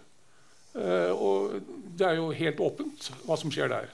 Britene tror som mange andre at man kan drive med cherrypicking og ta ut det de vil ha, og som de syns er viktigst. Og Det betyr å stenge arbeidsmarkedet og ha åpent for finansielle tjenester som styres fra London, og ha en mest mulig åpen varehandel. Altså, Cherrypicking er EU mot. Man har bygd opp et svært system som bygger på et indre marked hvor alle gir og tar. Alle har fordeler og ulemper av det store indre markedet. Og forestille seg at noe land, Norge eller Storbritannia, kan ta det man liker best, og gå videre på det og si nei til noe annet, det mener jeg er, det er å kaste blår i øynene. Eh, både på britiske og eventuelt norske velgere. Det kommer ikke til å skje i praksis. Der står EU sammen som én mann eller én kvinne, tror jeg. Så det, eh, brexit er sånn sett eh, et, et, ubeskrevet kapittel inntil vi ser hva som skjer i forhandlingene framover. Og iallfall er det ikke noe eksempel til etterfølgelse for Norge. Jeg har ment, og jeg sier jo ikke det så ofte offentlig, men blant venner Det som virkelig hadde illustrert handlingsrommet for Norge, var jo å ta et durabelig veto i en sak vi syns var så nasjonalt viktig at vi tar sjansen på vetoet. Det går an, det. Det står i avtalen. Gå fullt ut an. Hva skjer? Det utløser da mottiltak fra EU tilsvarende de skadevirkninger EU mener at det norske veto har gitt det indre marked. Så enkelt er det. De tok det helt med ro da den rød-grønne eh, regjeringen la ned veto på postdirektivet. Det var vanskelig å se det vetoet som noe som ødela i særlig grad for EU. Eh, e Men veien er uprøvd. Ymse regjeringer har ikke tatt sjansen på det. Samtidig vet du at EU selv internt er full av nasjonale vetoer. EUs utvikling stanses av at nasjoner mener noe kraftig og sterkt internt i EU, og så bruker de år på å bli enige om ting. Men vi eh, sitter der på grønne gren langt oppe i nord og tror det er veldig farlig å mene noe helt annet. Det er jo ikke sånn. Det er ikke sånn i EU, og det bør ikke være sånn i EØS. Mm. Ja. Martine? Ja, det var gode spørsmål. for så vidt. Jeg, jeg tenkte på Brexit er jo, jeg synes det er så uoversiktlig foreløpig, så det er jo nesten litt vanskelig å si hva eh, konsekvensene eh, vil bli. Det jeg, jeg, har tenkt ofte, er at jeg misunner på en måte ikke eh, Storbritannia som går først i å prøve å gå ut av det. For det er ganske mye sånn prøve og feil eh, på veien som, eh, som eh, sikkert neste eventuelt må lære av. men når det gjelder handlingsrommet, så tror jeg jo jeg har jo på en måte ikke sittet og, vurdert så veldig mye i det handlingsrommet selv, så jeg skal være liksom forsiktig med det. Men, men, eh, jeg satt i en debatt hos NUPI tidligere i år sammen med utenriksministeren, og da sa hun at man har jo vurdert handlingsrommet hele veien, men eh, man har alltid liksom aldri Eller uh, vurdert veto. Man vet jo at man har en vetomakt, men man har på en måte aldri brukt den fordi at man ikke Eh, man har sett på konsekvensene av å bruke den som negative. Eh, sånn, eller det har vært mer positivt ved å, ved å, gå for det enn å på en måte eventuelt skulle bruke den. Eh, så det, hvis man skal gjøre det, så må det jo være et, et sted hvor på en måte, konsekvensen er så negativ da, at man ikke burde gjøre det. Og, og, og, og, da bør man jo også kanskje vurdere det. men man skal jo være sånn ja, Dynamikken i hvordan, hvordan, det er å eventuelt skulle bruke den, det må man jo også også liksom lese litt. Eh, fordi det kan jo også få noen konsekvenser med at man gjør det. Eh, men at man utreder handlingsrommet, at man liksom snakker om at man har et handlingsrom der, det tror jeg eh, er, eh, er liksom viktig. Men jeg opplever i hvert fall at hver gang man prater om det handlingsrommet, så blir det en sånn veldig negativ greie. Eh, og at man egentlig liksom stresser det. Eh, sånn at ja, en kunnskaps, eller Nivået på kunnskap er liksom viktig for å også skjønne hva handlingsrommet er for noe. Da. Mm. La meg si tre ting om brexit, og så skal jeg én ting om handlingsrom. Om brexit, punkt én. Det har vært en fantastisk læringsprosess. Så Du nevnte ACER og du nevnte Nav-saken. Den virkelig store læringssaken er jo brexit. For den har jo synliggjort hva europeisk integrasjon er, og hvor vanskelig det er å trekke seg ut av det, og hvor, hvor uendelig inngripende EU er blitt. Og ikke bare EU, men europeisk integrasjon i en sånn bred forstand. Eh, så det er viktig. Og så har det vært en sånn konkret læring. At vi har lært mer om EØS. Britene har lært mer om EU er. Og EU har også systematisk begynt å tenke om hvordan man skal forholde seg til tredjeland uh, som går ut. Uh, altså, og de har lært mye mer om EØS også. Og se, EU har begynt å tenke systematisk og har faktisk definert grensene for hva skal være medlemskap, hva skal være ikke-medlemskap og hva er det som kan skilles, etc.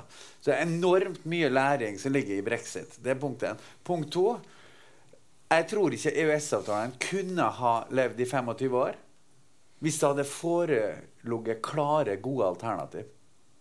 Vi hadde bare ett alternativ, og det var EU-medlemskap. Og så var det noe som het Sveits. Men Sveits var aldri en modell, det var en ulykke. Ja, altså EU ville sagt at det er ikke på bordet. Du kan ikke få det. Eh, men hvis det skulle ha kommet et slags alternativ, så ville det endre seg seg debatten i Norge. Men foreløpig så fremstår først og fremst brexit også som en slags ulykke. En slags uh, veldig kostbar, kaotisk situasjon som er smertefull. Og det tredje vi i Norge, brexit, vi i Norge tenker altfor mye på Storbritannia. Vi elsker jo Storbritannia. Men den virkelig store effekten for oss er jo hvordan EU 27 kommer til å opptre uten Storbritannia. Det kommer til å endre EU. Eh, det kommer til å flytte tyngdepunktet sørover og østover. Uh, og det også gjør at EU må tenke på hvordan det skal forholde seg til ikke-medlemsland på en annen måte. Og det reiser også hele diskusjonen om eh, sikkerhetspolitikk, forsvarspolitikk, hvordan du håndterer klimaspørsmål, og hvordan i og for seg Nord-Europa kobler seg til dette nye Europa. For vi kan ikke liksom lenger skjule oss bak britene. Og vi må også ta en mye tydeligere rolle, de nordeuropeiske og nordiske land. Så det kommer til å endre EU radikalt. Og det er viktig, fordi at alt det som EU kommer ut med, det kommer jo inn til oss via EØS. Så, så det var det tredje. Og så, det, og så ett ord om handlingsrom. Når dere snakker om handlingsrom, så tenker jeg litt på For det blir et slags fysisk nesten. Et, et rom. Uh, det høres nesten ut som den tenkeboksen som Bondevik gikk inn i på 2000-tallet. Og, øh, eller begynnelsen av 2000, husker du det? Uh, og han kom aldri ut. Uh, han gikk inn i en tenkeboks. Og så hvis Han går inn i handlingsrommet. Det er litt det samme. Nei, altså, det jeg tenker Den enkleste versjonen av det er jo å, å si at det ligger selvsagt en lojalitetsforpliktelse i disse tingene. Så jeg tror man må skille mellom ok, hva er jeg? Vi kan være illojal, eller vi kan være, være lojal. Men så er det sånn, hvis vi er lojal, så betyr det ikke at regelverket er dogmatisk. Så, så hvis det ivaretar lojalitetsforpliktelsen og kan det regelverket, så vet vi hvor skrankene ligger hen, men også hvor mulighetene begynner. Og så er det også at vi, Hvis vi tenker litt mer systematisk rundt det, så kan man også se ok, her er noen ting vi ikke liker konsekvensene av. Hvordan prøve å korrigere de tingene. Og det kan jo gjøres på mange måter. Det kan gi et klarere signal til ok, dette skal vi prøve å endre av regelverk. Dette det, det er hvordan vi skal kompensere for ting. Dette er hvordan vi skal innrette politikken. Så, sånn sett så ser jeg veldig eh, mye eh, gevinst av å reflektere mye mer systematisk rundt handlingsrom. Men det handler egentlig om å balansere mellom en lojalitetsforpliktelse på ene sida og det andre å vite hva man vil. Hvilket samfunn vi vil ha i Norge. Og så putte de eh, ressursene rundt det, og innsatsen rundt det. Men eh, bare til Bjørn Tore, Jeg er enig i nesten alt du sier, men bare en liten fotnote der. Norge har aldri brukt reservasjonsretten. Eh, man sa at eh, man skal bruke reservasjonsretten på postdirektivet. Eller tredje postdirektivet. Mm. Og mange tror det. Jeg husker det fra Arbeiderpartiets møte, og alle røde flagga opp og sånn. Men så gikk man jo og så sa han nei, vi gjorde ikke det. Eh, men det man gjorde, var å la saken i fryseren. Og det er jo det som er vanligste virkemidlet. Vi legger det på kjøleskapet. Og EU skjønte jo da Da gidder vi ikke å sende den saken til det møtet for at de skal legge ned dette. Så gikk det noen år. Politiske sentimentet i Norge endra seg. Posten Norge sa vi vil ikke holde på å gå rundt med disse postbrevene uansett. Det er ingen som skriver brev til hverandre. Vi bruker e-post. Uh, og så gikk det noen år, og så neste regjering så tok de den frem, så aksepterte de det. Ja. Så, så bare, det var en korreksjon. Bare, altså det er veldig mye mer pragmatisme i EU enn det man forestiller seg i Norge. I Norge er det svart-hvitt. EU er svart-hvitt. Ta Schengen. Jeg fikk vite i Belgia i 1992 at det var utenkelig at Norge uh, kunne stå utenfor EU og bli en del av Schengen-samarbeidet. Og jeg sa ta det med noe. Det er ingen sjanse for at vi skal oppløse den nordiske passunionen fordi om vi kommer til å si nei til EU. Vi er nødt til å ha det på plass. Han skjønte ikke hva jeg sa. Men det tok noen år. Schengen ble en del av Norge. Det er en selvsagt ting. Like selvsagt var det for Storbritannia som EU-medlem ikke å bli medlem av Schengen. Altså Det er betydelig vektlegging av nasjonale hensyn hvis man er klar nok og begrunner det godt nok. Og den delen av EUs indre liv er undervurdert i Norge. Mm. Åse, vil du si noe om, om konsekvensen av brexit? Jeg vet ikke om handlingsrommet er så aktuelt for, for, mm. forsvars, nei, for forskningspolitikken, men, men, brexit får jo betydning. Uh, ja, og der, var det de Gaulle som sa at det er umulig å lage omelett av hardkokt egg? Uh, altså nasjonalstaten uh, er et hardkokt egg. Det, det, var jo fullt mulig. Og nå vi, forsøker vel britene å lage hardkokte egg av omelett. men og det vi har sett på, på, på, Det er vel to sektorer som virkelig berøres av, av brexit big time. Eh, finans, eh, finansnæringen og høyere utdanning. Eh, universiteter i Og det vi ser egentlig når vi, de, vi er del av en klubb av likesinnede universiteter, The Guild of European Research Intensive Universities. Og når vi ser de britiske medlemmene i den, den, organisasjonen, så ligner det på det jeg kan lese ut av det, det som var situasjonen for, for norske forskningsinstitusjoner før før EØS-avtalen eh, e ble inngått. Altså usikkerheten av, av, Kan vi ha med dere som eh, partner?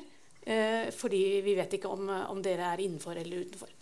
Eh, så, jeg tror, Og, frustrasjonsnivået eh, blant de, våre britiske eh, søsterinstitusjoner er ekstremt høyt. Så de trenger nok egentlig psykolog. For, for, det mener, altså, fordi usikkerheten knyttet til, til, dette har gått over så lang tid.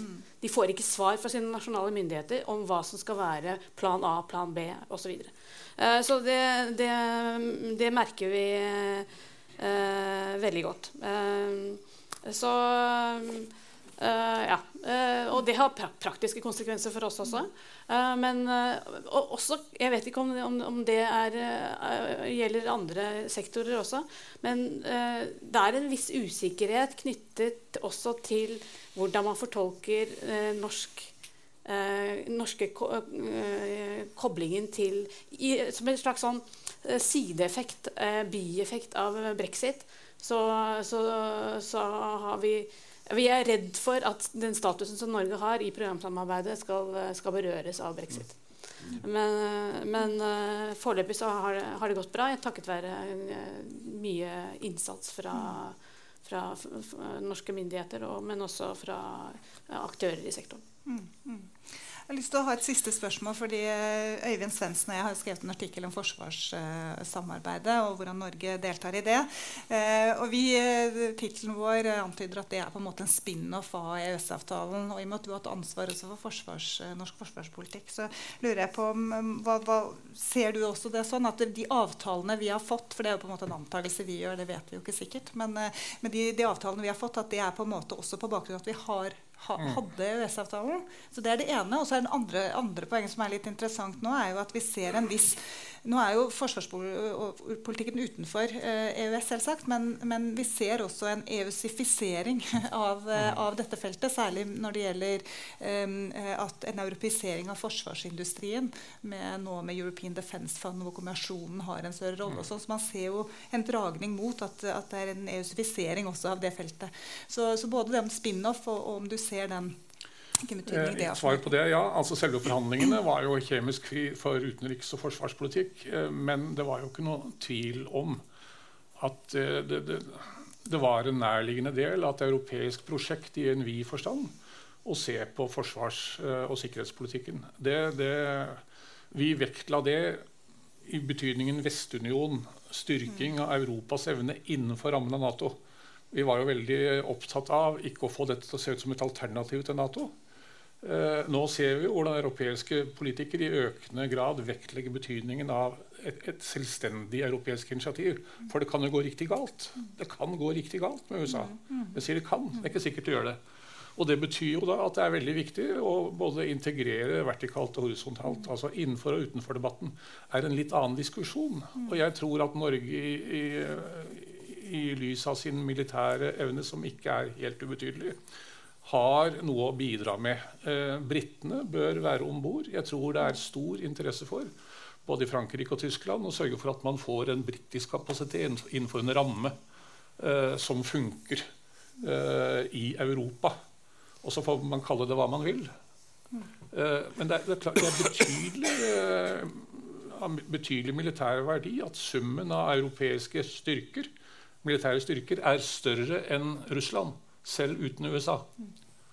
Og å få det til å fungere på en best mulig måte i alle dimensjoner, det, det er en selvstendig oppgave. Og det, Der føler jeg Norge har noe å bidra med. Og det har lenge etter min tid vært en utvikling på dette samarbeidet. Ikke minst med Tyskland, som spiller en nøkkelrolle. Mm. Ok, Jeg tror vi åpner uh, for spørsmål fra salen. Så her har vi flere. Da begynner vi her deg, og så Kjetil Widsang etterpå. Fint om dere presenterer dere selv. Hei, jeg heter Reidun Heggen og er leder i Ungdom mot EU. Og når jeg ser denne debatten her, så må jeg innrømme at jeg er rimelig bekymra eh, for uh, deres holdninger til EØS. og eh, evne til å liksom, tenke utafor boksen når det kommer til alternativer til EØS-avtalen.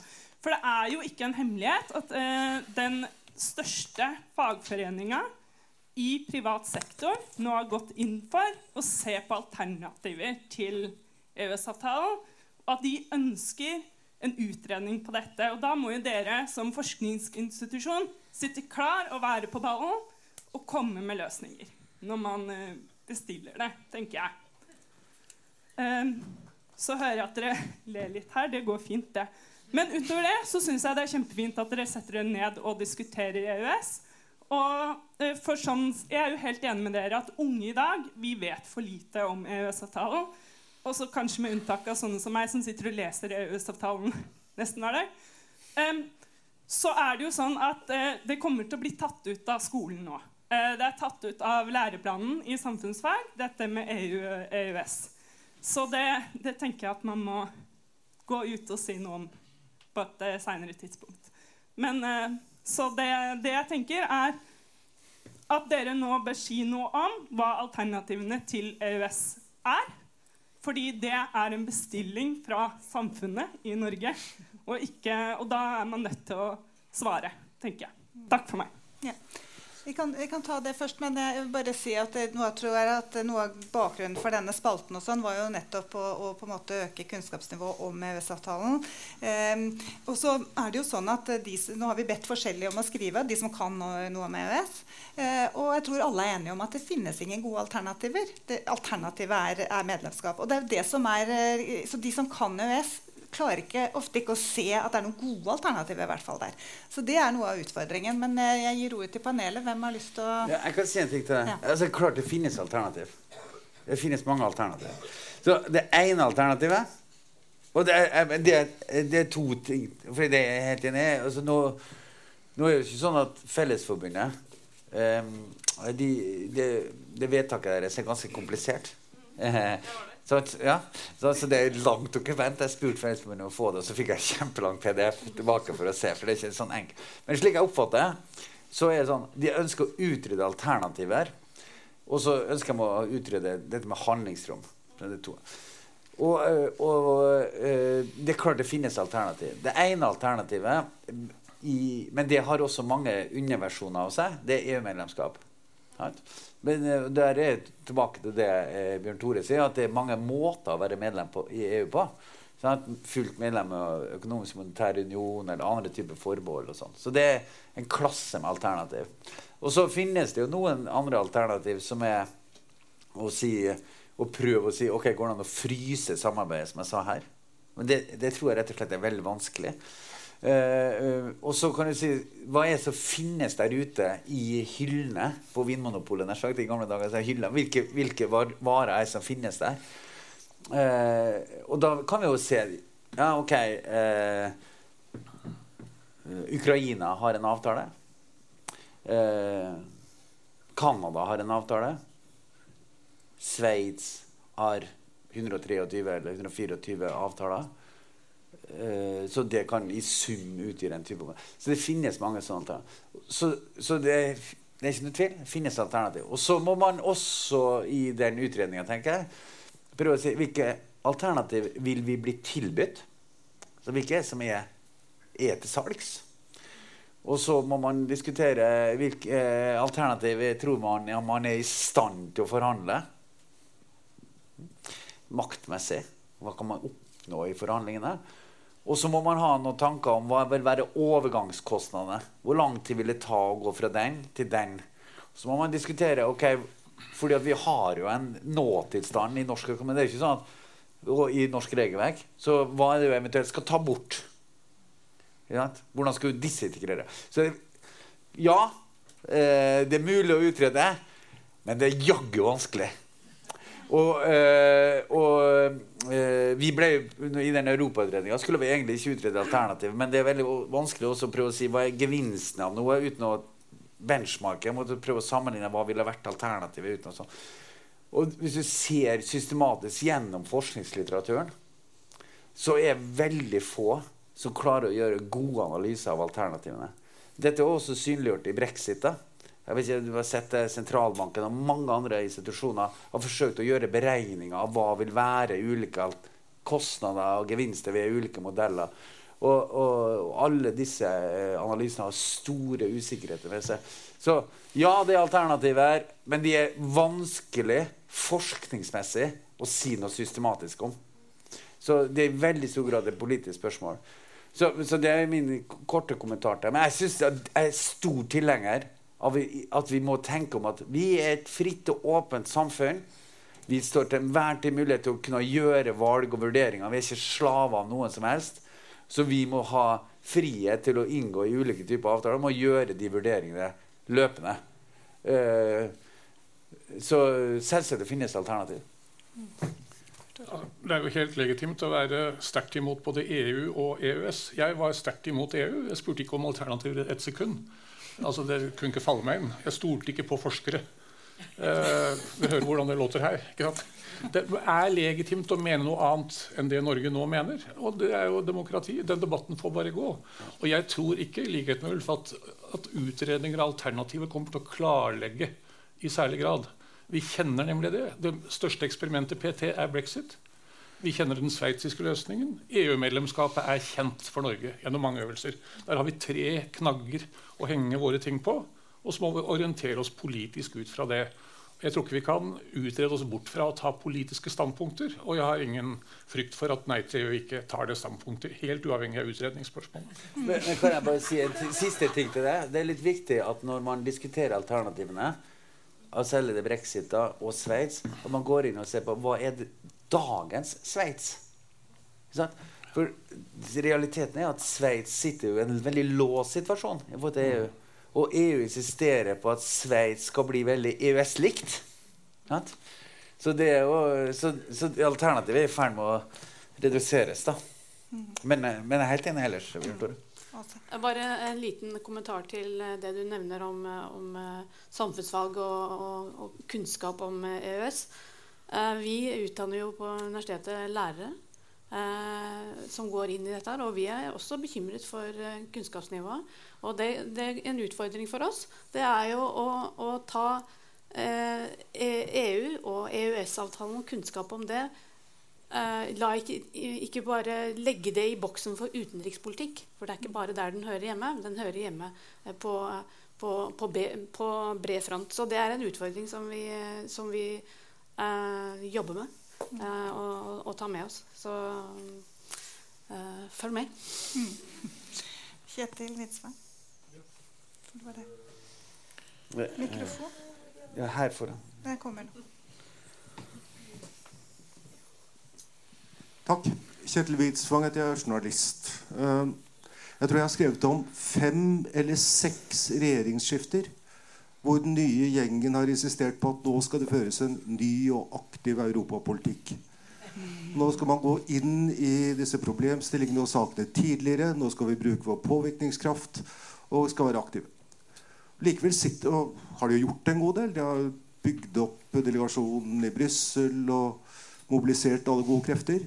Likevel sitter vi her da, etter 25 år med denne Nav-saken som jo er et sånt sentralt område som er diskutert i brexit, altså trygdeeksport, som er diskutert i EU, som er diskutert i Tyskland.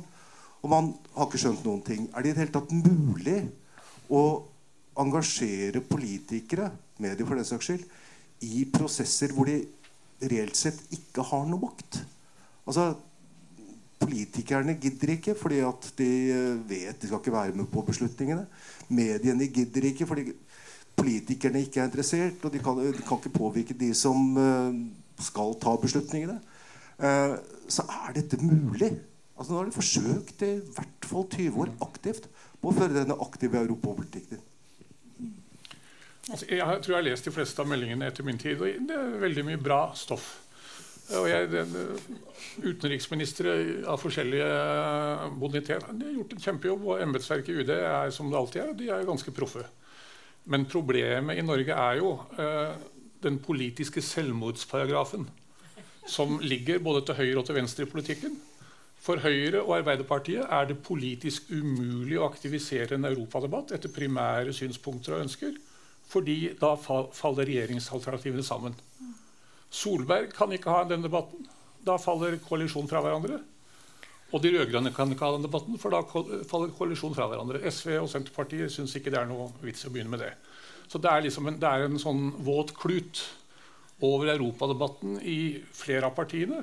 Fordi man er mer opptatt av å styre landet etter andre dimensjoner enn det som følger av en diskusjon om europapolitikk. Og det, det, tror jeg vi må leve med i overskuelig framtid. Jeg ser dessverre ikke noen vei ut av det, selv om jeg skulle ønske at det var annerledes. Nei, Jeg er helt enig. Jeg tror, uh, altså Bratteli var den første som begynte å skrive om aktiv uh, europapolitikk i Norge. Så det har holdt på litt lenger enn 25 år også. uh, nei, og, og, og, det som er opplegget, er litt sånn fortegna dette bildet uh, om aktiv altså Man tror at uh, det viktigste er å drive og påvirke EUs regelverk, og det er selvsagt viktig. Men det aller viktigste er kanskje å prøve å få informasjon om hva som faktisk skjer. Så 90% tror jeg av det norsk forvaltning og diplomati driver med i Brussel, det er jo ikke påvirkning, det er jo på en måte etterretning og prøve å finne ut uh, hva som skjer. En lyttestasjon. Kjempestor lyttestasjon. Uh, men, uh, men jeg syns du peker på et veldig viktig ting. Det politiske kompromisset og strukturen med at vi ikke har delt, stemmerett og deltakelsesrett, det kveler. Bringer ingen oksygen inn i debatten. Og det, altså, bare si det som er Én ting er det ille at vi ikke har debatt om EU. Men det som er virkelig ille, er at vi ikke har en debatt om Europas fremtid. Og at liksom, man gjør at Norge blir på land, på en måte et land som står utenfor det europeiske ordskiftet. For det handler om veldig mange større spørsmål. Om liksom, hvilken type rolle skal Europa ha i denne nye verden som kommer. Og så kan du si EU er bare et virkemiddel. Dette. Men hva handler om klimapolitikk? Hvordan håndterer vi sikkerheten? Hvordan håndterer vi Kina? Migrasjonsspørsmål? Alle disse store spørsmålene. Hvordan håndterer vi likestilling? Hvordan håndterer vi eh, aldring i samfunnet? Teknologi, artificial intelligence alt sånt. Det er et europeisk ordskifte. Og det er helt naturlig, selvsagt, å se.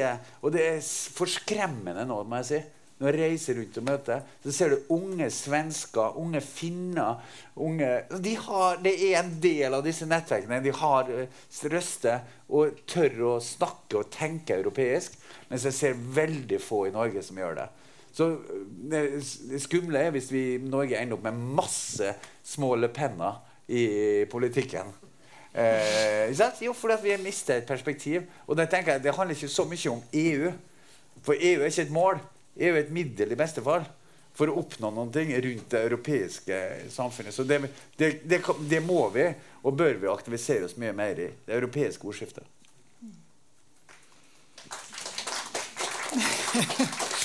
ja. Eh, jeg har et siste spørsmål. Vil dere kommentere på det? Eller skal vi ta det siste spørsmålet? Ja. Pernille, vi har en bak her også. Har vi en hånd til bak deg, Å, jeg beklager. Ja da, ja, da, tar vi de to spørsmålene, og så tar vi en runde i panelet til slutt. Da begynner vi bakerst her også. Ja. Eh, jeg er hjertens enig i alt det kloke som er blitt sagt her, så jeg har ikke så mye spørsmål. Men jeg vil gjerne holde et tre minutters innlegg. Jeg var i fem år sjef for Vi har ikke så mange minutter igjen, så du må begrense det litt. Ja, ja, men jeg var i fem år sjef for EFTAs Brussel-kontor og hovedredaktør for eh, første stortingsmeldingen om EØS. Så jeg eh, føler jeg er litt meningsberettiget. Og eh, da jeg kom til, dit, øh, til Brussel i 95, så var utfordringen å vise at EØS kunne fungere etter at 85% av økonomien på EFTA-siden var gått over til EU.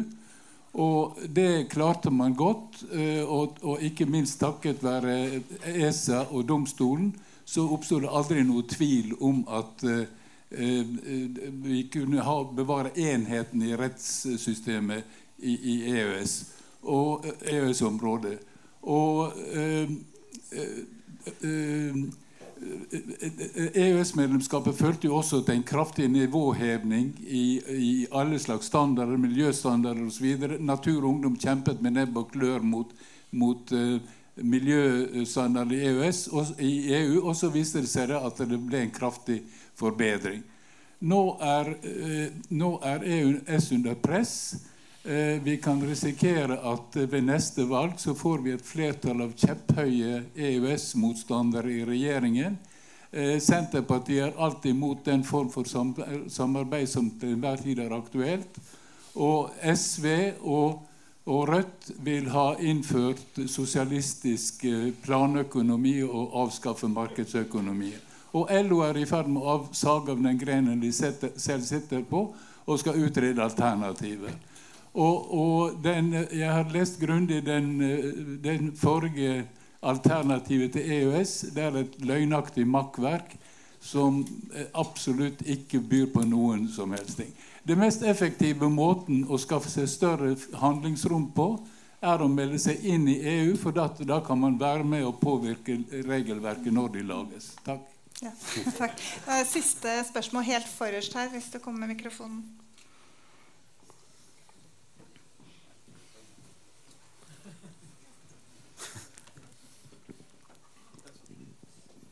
Mitt navn er Wilhelm Bøhn. Eh, to spørsmål. Det ene er litt, eh, dels til Sverdrup og til Godal. Eh, er det et demokratisk problem at Stortinget ikke representerer folket hva gjelder interesse i EU? Det er jo vel dramatisk overvekt av pro-EU-personer i Stortinget. Og da må nødvendigvis vår holdning til hva som skjer, bli deretter, sett fra Stortingets side. Det andre spørsmålet det går eh, litt som Sverdrup nevnte, det er vanskelig å kanskje bedømme alternativer. Spesielt når man ser på alle de spørsmålene som EØS-avtalen omhandler.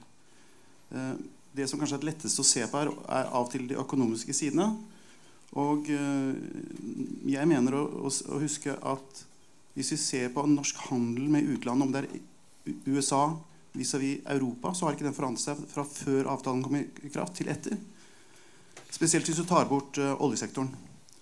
Så det betyr at da, da mitt spørsmål Har egentlig EØS-avtalen hatt noen merkbar effekt hvis vi ikke har økt vår handel med EU? Takk.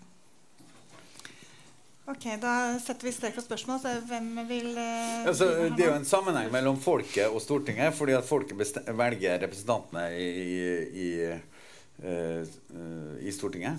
Eh, og, og, og, folket har jo også mulighet til å engasjere seg i politiske parti og nominere kandidatene partiene stiller. Uh, og for øvrig så oppfatter jeg at uh, når du sier dette på EU, at de, er kanskje pro EU Jeg vet ikke om det er riktig akkurat nå, men det er riktig sånn som du sier. I lange perioder så har det jo vært et flertall i folket nei, mot norsk medlemskap i EU, mens det har vært et flertall på Stortinget for ja til EU. Uh, eh, men jeg vet ikke om det er tilfellet nå. Men, men, det som jeg tror gjelder på EU-saken, er jo at det synes det å være en politisk kontrakt i Norge om at EU, et eventuelt EU-medlemskap i fremtiden eh, fordrer en folkeavstemning. Så jeg, jeg, tenker at det er ikke noe stort problem.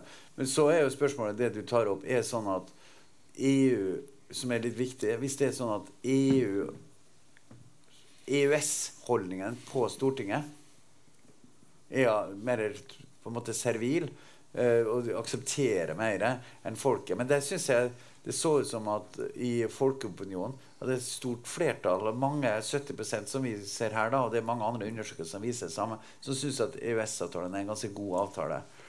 Og, uh, og selv de partiene som har et klart nei til EØS-parti, altså uh, Senterpartiet og SV som sier at de er imot EØS-avtalen. De er også hvert fall, Det er ikke en viktigere sak for dem enn at de er villige til å sitte i regjering og forhandle med Jonas eller Erna eller Jagland eller Stoltenberg eller Bondevik og si vi styrer på grunnlag av EØS-avtalen. Så de aksepterer i hvert fall i en sånn politisk kompromiss.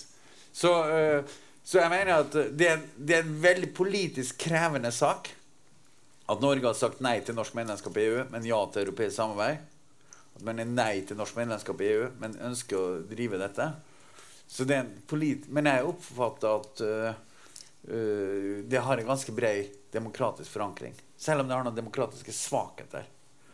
Uh, husk på ja, jeg skal bare si tre, Over 340 ganger har det gått til Stortinget at man skal utvide EØS-avtalen. Og hver gang man gjør det på en mer sånn signifikant måte, så er, må man ha en egen proposisjon. egen mer utvida. Alle de nesten, med unntak av 14, er vedtatt enstemmig i Stortinget. Så, øh, så, det er en ganske brei øh, oppslutning. Uh, og dette på handel, det er jo riktig. Uh, altså at EØS-avtalen har ikke vært så handelsvridende. Så på forskning så har EØS-avtalen vært forskningsvridende. Norske forskere forsker mer med EU nå enn vi gjør, og mindre kanskje med amerikanere. og mindre med så, Men på handel så er jo sånn at men det har ikke vært noe hinder for at vi også kan øke vår handel med Kina, eh, Japan, USA, Korea etc. Men det har gjort handel med EU mye mer effektiv. Ok, eh, Nå er vi egentlig litt på overtid, men Bjørn Tore, vil du ha en Nei, altså Jeg tror nok at nei-standpunktet står sterkere på Stortinget nå eh, enn noen gang i nyere tid. Uh, det, det, følger av mye av det vi har diskutert her. Jeg satt jo i Stortingets utvidende utenrikskomité og i EØS-utvalget på Stortinget og presenterte regelverk i likhet med mange andre statsråder etter eh, 94 og framover til jeg gikk av i 97. Og bildet var jo det samme. Veldig mye av det som kom, ble enstemmig vedtatt. Og SV og Senterpartiet var like positive til det som de fleste andre. Og så var det noen saker som man hadde markeringer på. Og det er bildet nå også. Og jeg tror Stortinget er rimelig representativt uh, for befolkningen i alle de spørsmålene som, som vi snakker om. Så, så, der er jeg rimelig fornøyd med Stortingets rolle. Det jeg syns Stortinget bør bli bedre på, er å være mer proaktiv på å melde ut til offentligheten hva kommer det nå av store EØS-saker framover som vi må ha en diskusjon om.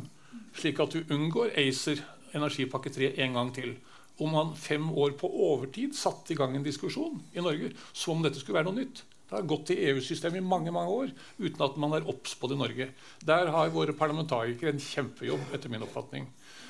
Handel eh, Jeg er jo ikke for at vi skal ensidig ekspandere i Europa. Eh, men det har nå vært en 60-70-80% av vår samhandel løpende hele veien.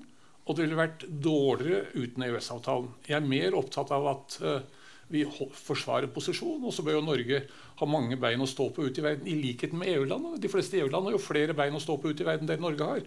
Det bør vi få en, en forandring på. Men det er noe annet enn EØS-debatt. Mm. Ja, Norge handler mer med EU enn de fleste EU-land. Mm. Handler med, med EU-land. Martine, vil du si noe til slutt? Nei, jeg syns egentlig det var gode refleksjoner. Ja, ja nei, jeg tenkte bare at når vi har Her er det snakk om eh, hverdagsintegrasjon på veldig, eh, på veldig mange vis.